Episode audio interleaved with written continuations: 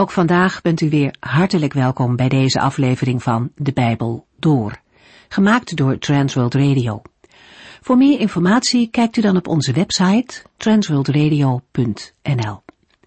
In deze serie gaat u in vijf jaar tijd met ons de Bijbel door, van Genesis 1 tot en met het laatste vers in Openbaring 22.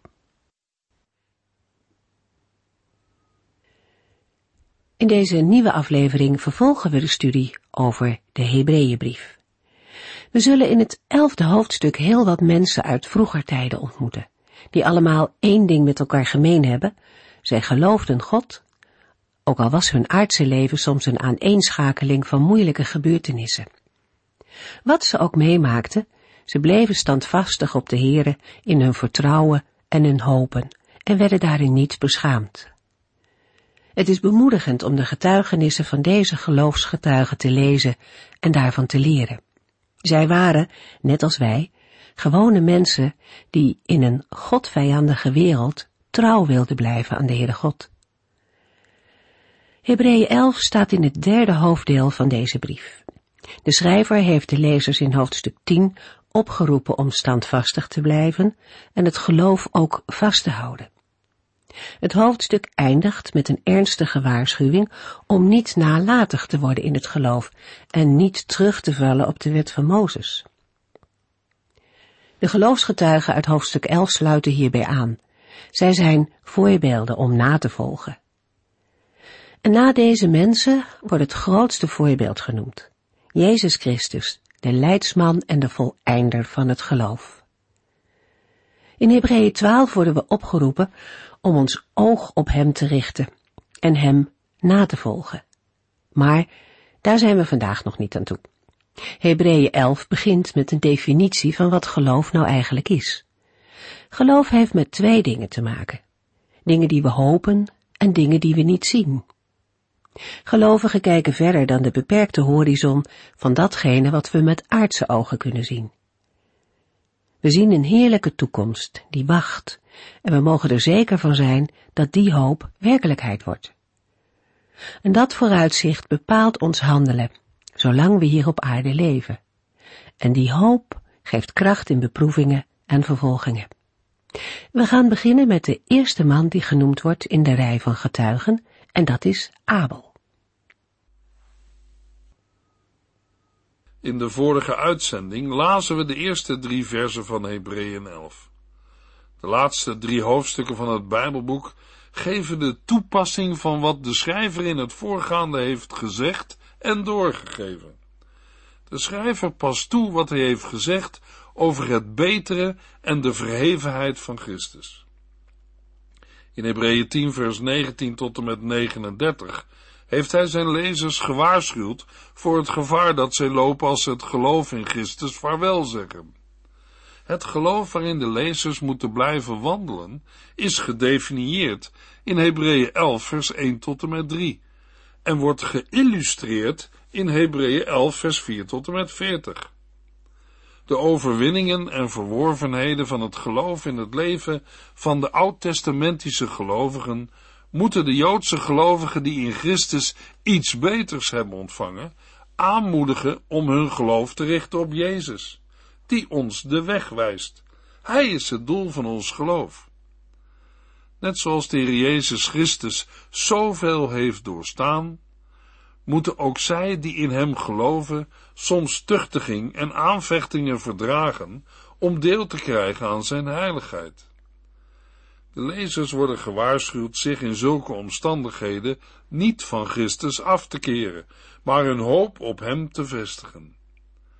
Aan het leven van een gelovige moet inhoud worden gegeven door toewijding aan Christus en een leven in afhankelijkheid van Zijn genade. Dat wordt zichtbaar in onderlinge liefde en herbergzaamheid, in delen met elkaar, meevoelen en meeleven, in een zuiver leven, tevredenheid en gehoorzaamheid. Met Hebreeën 11 vers 4 begint de lange lijst van mensen die vanwege hun geloof in de Bijbel een plaats hebben gekregen. De lijst begint met Abel, de eerste martelaar uit de Bijbel. Nauwelijks in de kracht van zijn leven werd hij door zijn broer gedood met als enige reden dat God zijn offer aannam en dat van zijn broer niet. De schrijver concludeert hier terecht dat dit kwam omdat Abel op God vertrouwde en met geloof offerde in tegenstelling tot zijn broer. Wat is dan de rechtvaardiging van Abel? Hij werd immers onschuldig vermoord. Dit, dat hij nog spreekt. Hij wordt in de Bijbel met ere genoemd, en door zijn voorbeeld spreekt hij als het ware nog altijd. Hoewel dit niet genoemd wordt, staat er voor de gelovige Abel natuurlijk ook de eeuwige beloning te wachten. De volgende gelovige uit het Oude Testament die wordt genoemd is Henoch. Hij wandelde met God. Dat wil zeggen dat hij zo leefde dat hij werkelijk een relatie met God had. Zoiets kan alleen door het geloof. Want hoe komt iemand tot een dergelijke relatie als hij niet gelooft dat God bestaat en tevens gelooft dat God een dergelijk contact wil en beloont? Wat was het gevolg voor Henoch? Hij werd opgenomen in de hemel, zodat hij niet hoefde te sterven. Wat mij hierbij opvalt, is de eigenaardige tegenspraak tussen Abel en Henoch. Een tegenspraak die u en ik uit ons eigen leven ook kennen. Abel diende de Heere en daarom werd hij vermoord. Ook Henoch diende de Heere en werd zonder te sterven in Gods heerlijkheid opgenomen. Toch was voor de Heere de ene mens niet liever of beter dan de andere. Beide worden in de Bijbel met ere vermeld. Ook wij willen de Heere dienen en soms heeft dat tot gevolg dat wij buitengewoon gezegend worden. En soms heeft dat als consequentie dat wij danig worden vervolgd.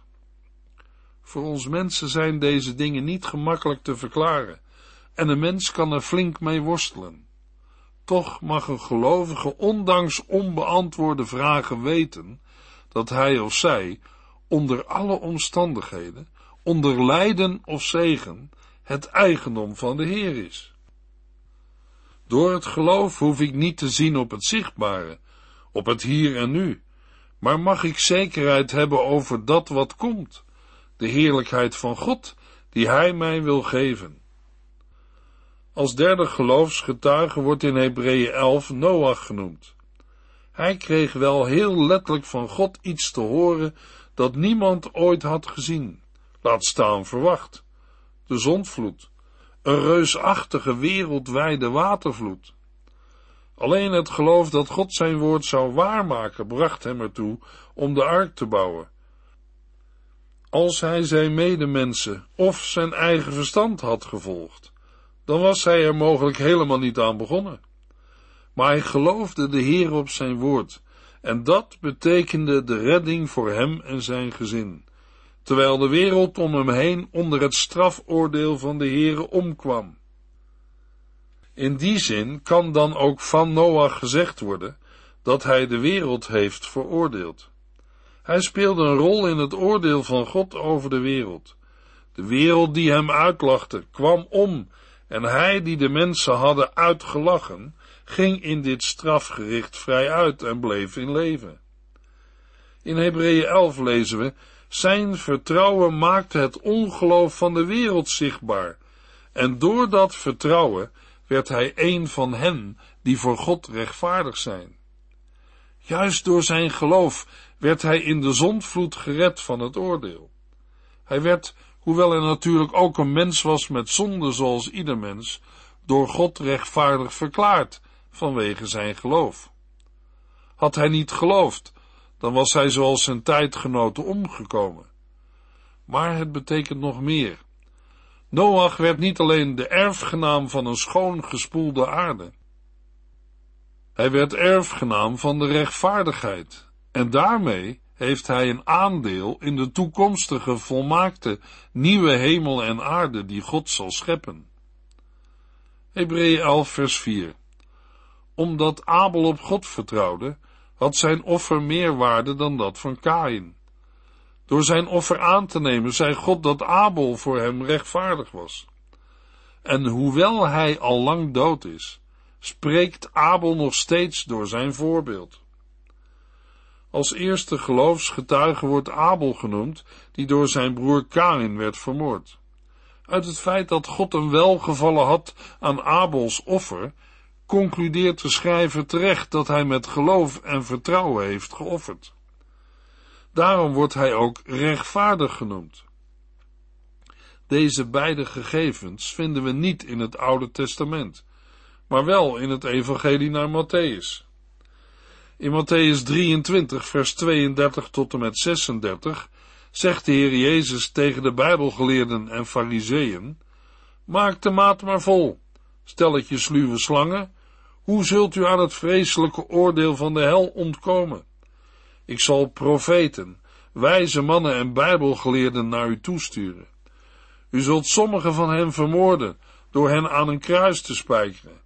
Anderen zult u in de synagogen afranselen en van stad tot stad vervolgen.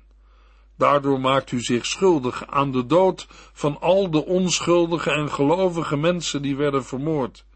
Van de onschuldige Abel tot Zacharia, de zoon van Berechia, die werd vermoord tussen het tempelhuis en het altaar. Ja, ik verzeker u, het oordeel over al het kwaad van vroeger zal op het hoofd van deze generatie neerkomen. Zelfs de Heer Jezus sprak over Abel als een rechtvaardige, de eerste die onschuldig werd vermoord. Op welke manier Abel de Heer een beter offer heeft gebracht, wordt uit het Oude Testament niet duidelijk. Wel kunnen we erop wijzen dat Abel een bloedig dierenoffer bracht, waardoor zijn zonden werden vergeven, terwijl Kain alleen een spijsoffer bracht. Belangrijker is dat Abel met de juiste instelling, met geloof offerde.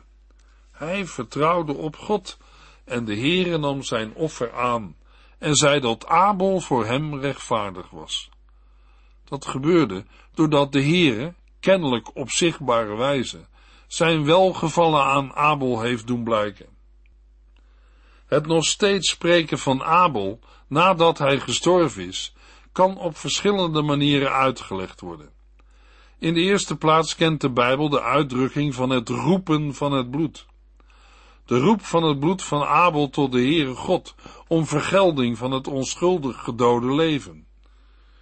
Zoals we al eerder aangaven, kunnen we ook denken aan het spreken van Abel door de Bijbel. Daarin wordt hij met ere genoemd. Ten slotte is Abel ook een voorbeeld geworden voor de gelovigen. Zijn vertrouwen en geloof in God mag ook voor ons een voorbeeld zijn. Hebreeën 11 vers 4 Omdat Abel op God vertrouwde, had zijn offer meer waarde dan dat van Kain. Door zijn offer aan te nemen, zei God dat Abel voor hem rechtvaardig was. En hoewel hij al lang dood is, spreekt Abel nog steeds door zijn voorbeeld. Wat de Heer in Abel zag, was zijn geloof. Van Abel wordt geen enkele opmerkelijke daad in het Oude Testament vermeld. We lezen ze wel van Noach, Abraham en Mozes. Bij het oordeel van de Heere gaat het er niet om of wij groot zijn of geweldige dingen hebben gepresteerd, maar om overgave, vertrouwen op en geloof in God. Doordat Abel geloofde, bleek dat de Heer een welgevallen aan hem had. Luisteraar, hoe is het met ons geloof en vertrouwen op de Heer? Zijn wij een voorbeeld voor anderen of dwalen we af van de Heer en zijn dienst? Als dit laatste het geval is bij u of jou, dan mag ik je zeggen dat de goede herder, Jezus Christus zelf, op zoek is naar u en jou. Laat u en jij zich vinden? In Romeinen 10 vers 17 schrijft Paulus, dus alleen door te luisteren naar wat Christus gezegd heeft, kunt u in hem gaan geloven. Goed zijn voor onze medemensen en ieder het zijne geven is een prachtige manier van leven. Maar om het met de Heere God in orde te maken, moeten mensen in Jezus Christus geloven. Hij is de enige die uw, jou en mijn zonde kan verzoenen en vergeven.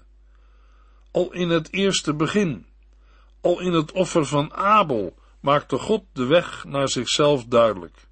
Zonder bloedvergieten is er geen vergeving van zonde mogelijk. Voor zondaars moet de straf voor de zonde betaald worden. En dat heeft Christus eens en voor altijd gedaan. De offers in het Oude Testament, ook het offer van Abel, is een heenwijzing naar het offer van Christus aan het kruis. Hij is het lam van God dat de zonde van de wereld wegneemt.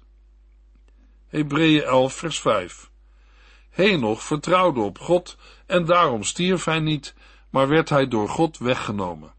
Ineens was hij er niet meer.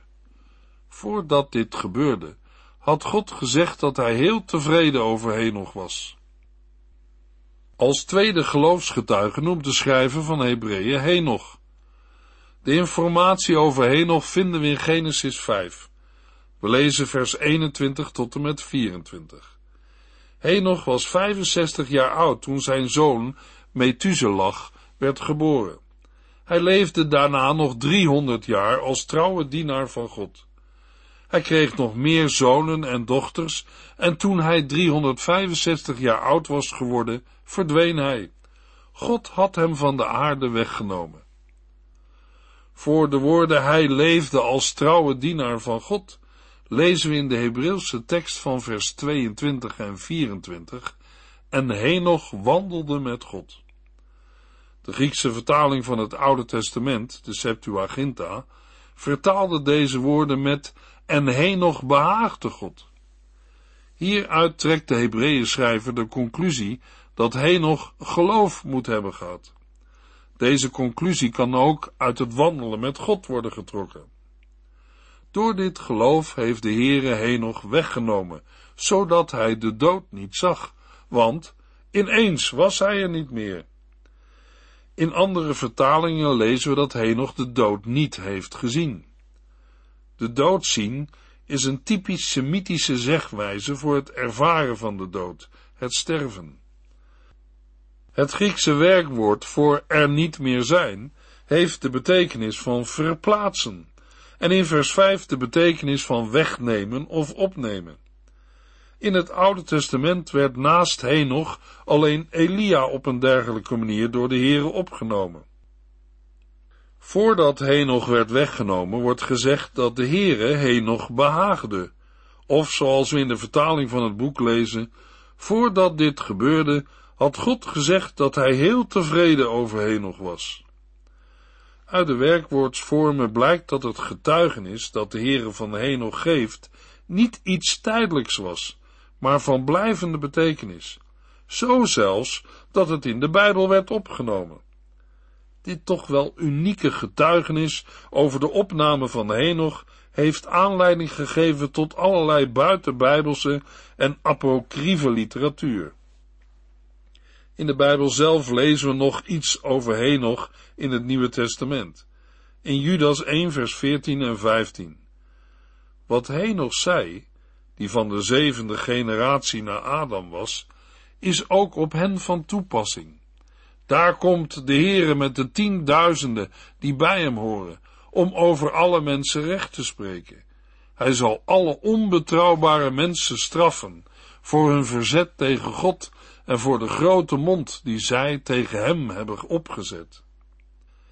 Henoch draagt dezelfde naam als de zoon van Kain, maar is in veel opzichten anders. Hij was van de zevende generatie na Adam. Ter onderscheiding lezen we in Genesis 5 de toevoeging, hij kreeg nog meer zonen en dochters, en toen hij 365 jaar oud was geworden, verdween hij. God had hem van de aarde weggenomen. We zagen al dat in de Hebreeuwse grondtekst staat, Henoch dan wandelde met God en hij was niet meer, want God nam hem weg. De uitdrukking wandelen met God wordt in de Hebreeuwse tekst van Genesis 6 vers 9 ook een keer voor Noach gebruikt. Later lezen we van de aartsvaders dat zij wandelen voor Gods aangezicht. In het Oude Testament lezen we dat de priesters behoren te wandelen met God. En Micha 6 vers 8 noemt het zelfs een vereiste voor iedere gelovige. De uitdrukking geeft een vertrouwelijke omgang met de Heere aan en een godsdienstig leven. Een houding die ook bij de andere stamvaders in de geslachtslijst van Genesis 5 aanwezig kan zijn geweest. Maar de dubbele vermelding geeft aan dat het leven van Henoch erdoor werd getypeerd. Terwijl in Genesis 3 de mens de omgang met de Heer uit de weg ging, is de relatie, de vertrouwelijke omgang, in Genesis 5 weer mogelijk. Hebreeën 11 vers 5 meldt dat de Heere heel tevreden over Henoch was. Volgens het Nieuwe Testament heeft Henoch geprofeteerd. We hebben dat in het Bijbelboek Judas gelezen. In verhouding met de andere nakomelingen van Adam is het leven van Henoch maar kort geweest, namelijk 365 jaar. De uitdrukking en hij was niet meer of God nam hem van de aarde weg, kan een aanduiding van de dood zijn. Maar in Genesis 5 staat de uitdrukking in contrast met de gebruikelijke woorden toen hij stierf, zodat hij nog iets anders heeft ervaren dan de normale dood. Dat wordt bevestigd door de woorden God nam hem van de aarde weg. Dezelfde woorden lezen we in de Hebreeuwse tekst van 2 Koningen 2, bij de beschrijving van de hemelvaart van Elia in een vurige wagen. Latere Joodse tradities werkten de hemelvaart van Henoch uit in drie pseudepigrafische geschriften, maar daar kan geen historische waarde aan worden toegekend. Het getuigenis over Henoch spreekt niet over een eeuwig leven na de dood. Dat komt pas later in de geschiedenis, maar wel van een bewaard worden buiten het bereik van de dood. Een hoopvol teken dat later rijker wordt verstaan. In het verband van het Bijbelboek Genesis betekenen de woorden over Henoch de vloek van de dood is te overwinnen door het wandelen met God. In het licht van het Nieuwe Testament en de opstanding van Jezus Christus lezen we in 1 Corinthiërs 15 vers 57, maar God zij dank, Hij geeft ons door onze Heer Jezus Christus de overwinning over de zonde en de dood. Uit 1 Thessalonicense 4 vers 16 en 17 weten we dat bij de wederkomst van Christus het volgende gaat gebeuren. Want als het signaal klinkt, als een van de voornaamste engelen zijn stem laat horen, en de trompet van God schalt, zal de Heere zelf uit de hemel neerdalen. Dan zullen de gestorven christenen eerst opstaan, en daarna zullen wij, die op dat moment nog leven, met hen in de wolken worden opgenomen, om de Heer in de lucht te ontmoeten en altijd bij hem te zijn. Hebreeën 11 vers 6 Maar als iemand niet gelooft, kan God niet tevreden over hem zijn. Wie tot God komt, moet geloven dat hij bestaat en dat hij beloont wie hem zoeken. Dat de Heere tevreden over nog was, is voldoende bewijs voor zijn geloof. Dat volgt uit de algemene regel maar als iemand niet gelooft, kan God niet tevreden over hem zijn. In andere vertalingen lezen we: zonder geloof is het onmogelijk God te behagen. In het vervolg wordt deze algemene regel onderbouwd in de lijn van de in Hebreeën 11 vers 1 gegeven definitie van wat geloof eigenlijk is. Wanneer iemand tot God wil naderen om hem te dienen of te vereren, moet hij of zij in de eerste plaats geloven dat God bestaat. Het bestaan van God behoort tot de onzichtbare dingen. In Hebreeën 11, vers 26 tot en met 28 lezen we het voorbeeld van Mozes. Hij vond het lijden voor Christus meer waard dan al de rijkdom van Egypte, want hij verwachtte dat God hem daarvoor zou belonen. In dat vertrouwen verliet hij Egypte en was hij niet bang voor de woede van de farao. Hij liet zich niet van de wijs brengen. Het was alsof hij steeds de onzichtbare God zag. Omdat hij op God vertrouwde, zei Mozes tegen de Israëlieten dat zij een lam moesten slachten en het bloed ervan op de deurposten van hun huizen moesten strijken. Dan zou de doodsengel hun oudste kinderen niet doden, maar alleen die van de Egyptenaren. In het Nieuwe Testament lezen we in Colossense 1 vers 15, in de persoon van Christus is de onzichtbare God zichtbaar geworden. Hij is als eerstgeborene verheven boven de hele schepping. En in Romeinen 1 vers 20 schrijft Paulus, God is wel onzichtbaar, maar uit alles wat hij geschapen heeft, blijken zijn eeuwige kracht en goddelijkheid. Want sinds het ontstaan van de wereld is zijn bestaan duidelijk te herkennen uit wat hij heeft gemaakt. Ten slotte lezen we in 1 Timotheus 1 vers 17 alle eer en heerlijkheid is voor God, voor altijd en eeuwig. Hij is de koning van alle eeuwen, de onzichtbare, die nimmer sterft. Alleen Hij is God. Amen. In de tweede plaats moet iemand die tot God wil naderen geloven dat God een beloner is van wie hem zoeken. De beloning of vergelding behoort tot de dingen die gehoopt worden. Met deze definitie van geloof heeft de schrijver het geloof van de voorouders en dat van de gemeente onder één noemer gebracht. De werkwoordsvorm spreekt over een moeten van Gods wegen. Het zoeken van de Heer is geen vrijblijvende zaak en moet serieus worden genomen. In de Griekse tekst lezen we ook een versterking bij het woord zoeken. In sommige vertalingen wordt vertaald met ernstig zoeken. Laten we ter afsluiting van deze uitzending nog een keer luisteren naar Hebreeën 11 vers 6.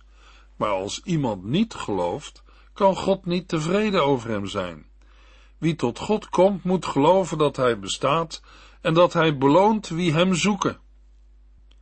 In de volgende uitzending lezen we verder in Hebreeën 11 over Noach.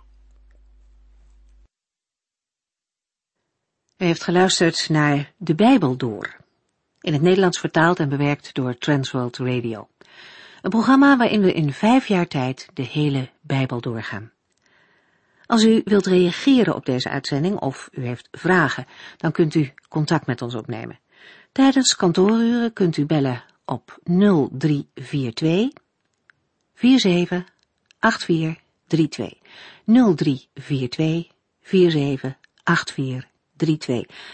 Ook kunt u een e-mail sturen naar de Bijbel door transworldradio.nl en natuurlijk kunt u ook via de post ons bereiken. TWR, postbus 371, postcode 3770, AJ in Barneveld. Dit programma werd gepresenteerd door Cor Weda en Ike André. Techniek was in handen van Odin van Voerkom. En wij allemaal bedanken u voor het luisteren. Graag tot de volgende keer.